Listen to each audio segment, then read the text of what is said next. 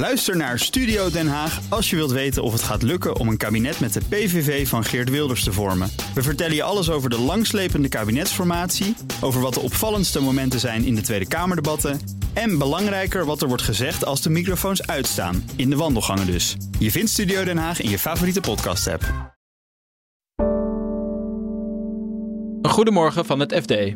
Ik ben Roger Cohen en dit is woensdag 18 januari.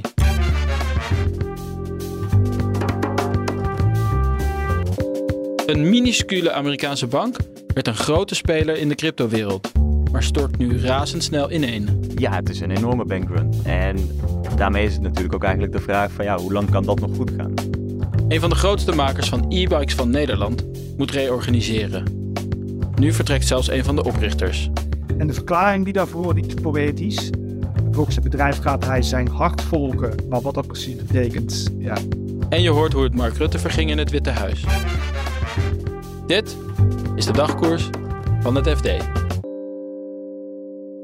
E-bike-producent Stella Fietsen heeft het financieel zwaar. Aandeelhouders moeten 8 miljoen euro pompen in het bedrijf. Onderzoeksjournalist Sonny Motke vertelt wanneer de problemen bij Stella begonnen. Het is eigenlijk een uitwas wat je ziet van de, de coronapandemie. Daardoor is een, de, de, de leveringsketen van fietsen en ook onderdelen verstoord.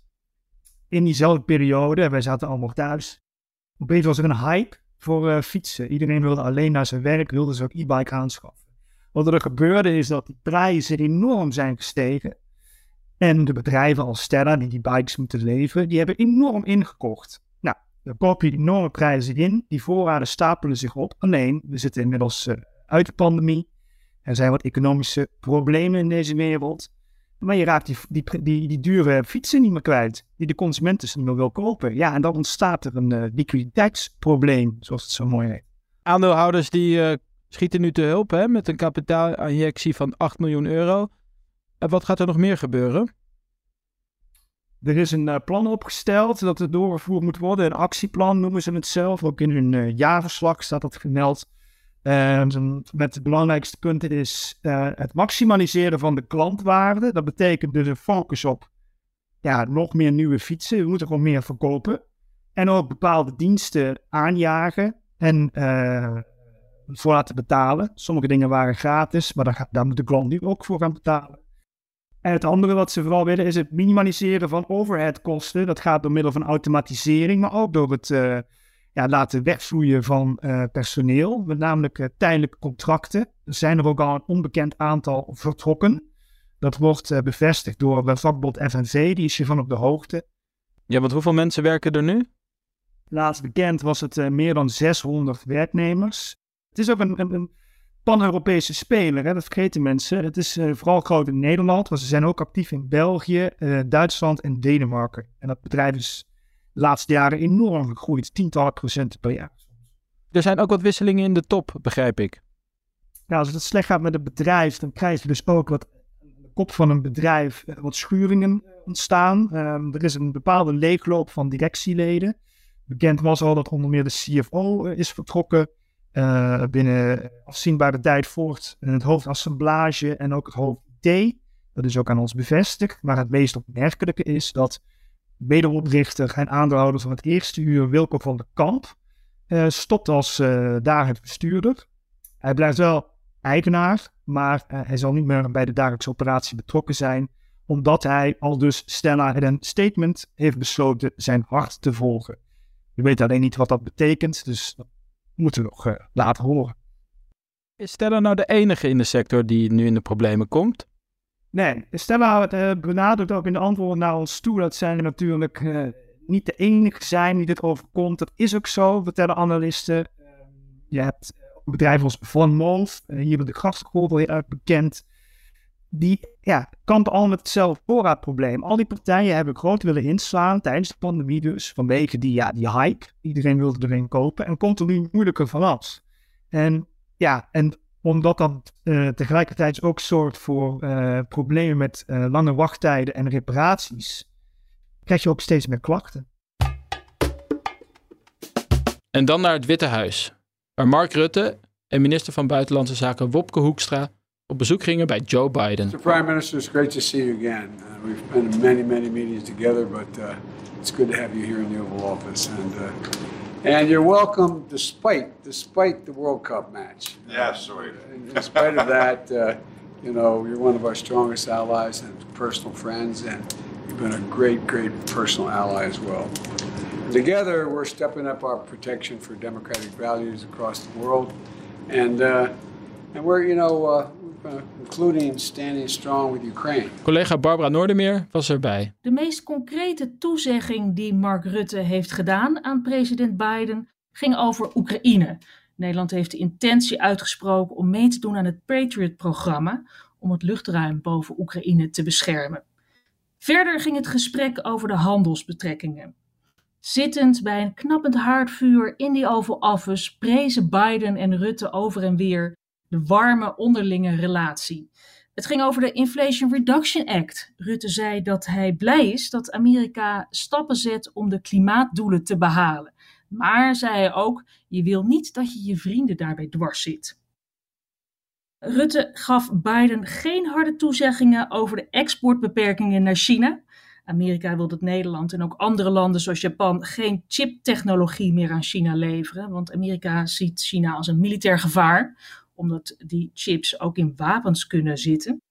Maar volgens Rutte kunnen die exportbeperkingen ook onbedoelde consequenties hebben. Omdat ze bijvoorbeeld, hè, die chips die zitten ook in consumentenspullen, zoals koelkasten en telefoons en auto's.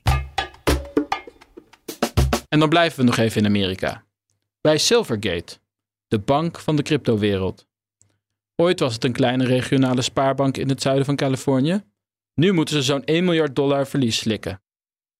Hoe Silvergate zo'n belangrijke speler werd in de cryptowereld hoor je van Amerika-correspondent Lennart Sandbergen. Het was eigenlijk altijd gewoon een heel klein ja, bankje.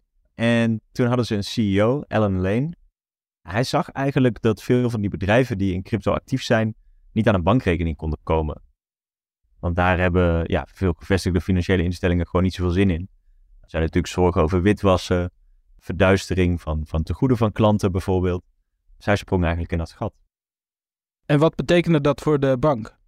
Alle grote cryptobedrijven die miljarden uh, waard werden uiteindelijk, die zaten allemaal bij dat kleine Californische bankje op een gegeven moment. Coinbase was een klant, dat is uh, een grote, nu tegenwoordig zelfs beursgenoteerde crypto-beurs.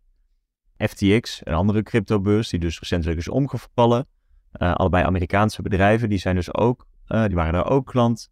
Dat Alameda, dat was het uh, hedgefonds dat juist zo nauw betrokken was bij FTX en waar ook klantengoeden van FTX werden gebruikt. Die was er ook klant. Dus eigenlijk die hele sector, die, die, ja, die zat bij dat bedrijf. Ja, en Silvergate verdiende daar goed geld mee, toch? Hoe, kan dat? Hoe kon dat? Al die cryptobedrijven die dus nergens anders heen konden, die stelden miljarden bij dat kleine bankje. Nou, die bank die, die bood daar geen rente over, want ja, die, die bedrijven konden toch nergens anders heen. En ondertussen kon die bank dat dus wel allemaal lekker uitlenen. En had het dus een heel goedkope bron van geld. En hoe is Silvergate dan nu in zwaar weer verkeerd geraakt? Nou, daar gingen verschillende bedrijven failliet. FTX, dat, uh, die waren daar dus ook een belangrijke klant. Nou, die moesten dus uh, ja, die moesten een bankroet aanvragen. Uh, hun tegoeden bij Silvergate, dat was eigenlijk 10% van het totale aantal tegoeden dat, dat Silvergate had, was van FTX. Nou, dat is allemaal in beslag genomen door Amerikaanse justitie. Ja, op die manier kregen veel beleggers toch ook wel een beetje twijfel over of dat Silvergate nou nog wel zo'n goede partij was. En ondertussen hadden veel klanten dat duidelijk ook. Er zijn ondertussen is uh, ruim 70% van de tegoeden die die bank had, is in een kwartaaltijd weggehaald door klanten. Bijna een soort van bankrun. Ja, het is een enorme bankrun. En uh, daarmee is het natuurlijk ook eigenlijk de vraag van ja, hoe lang kan dat nog goed gaan?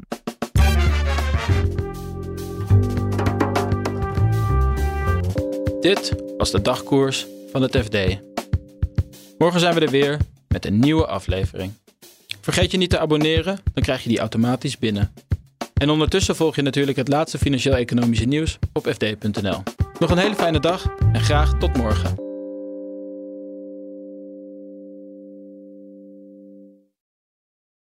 Ook Hugo Reitsma vind je in de BNR-app. Superhandig die BNR-app. Je kunt alle programma's live luisteren, breaking nieuwsmeldingen. Je blijft op de hoogte van het laatste zakelijke nieuws. En je vindt er alle BNR-podcasts, waaronder natuurlijk de belangrijkste, Boeken zijn in de wijk. Download nu de gratis BNR-app en blijf scherp.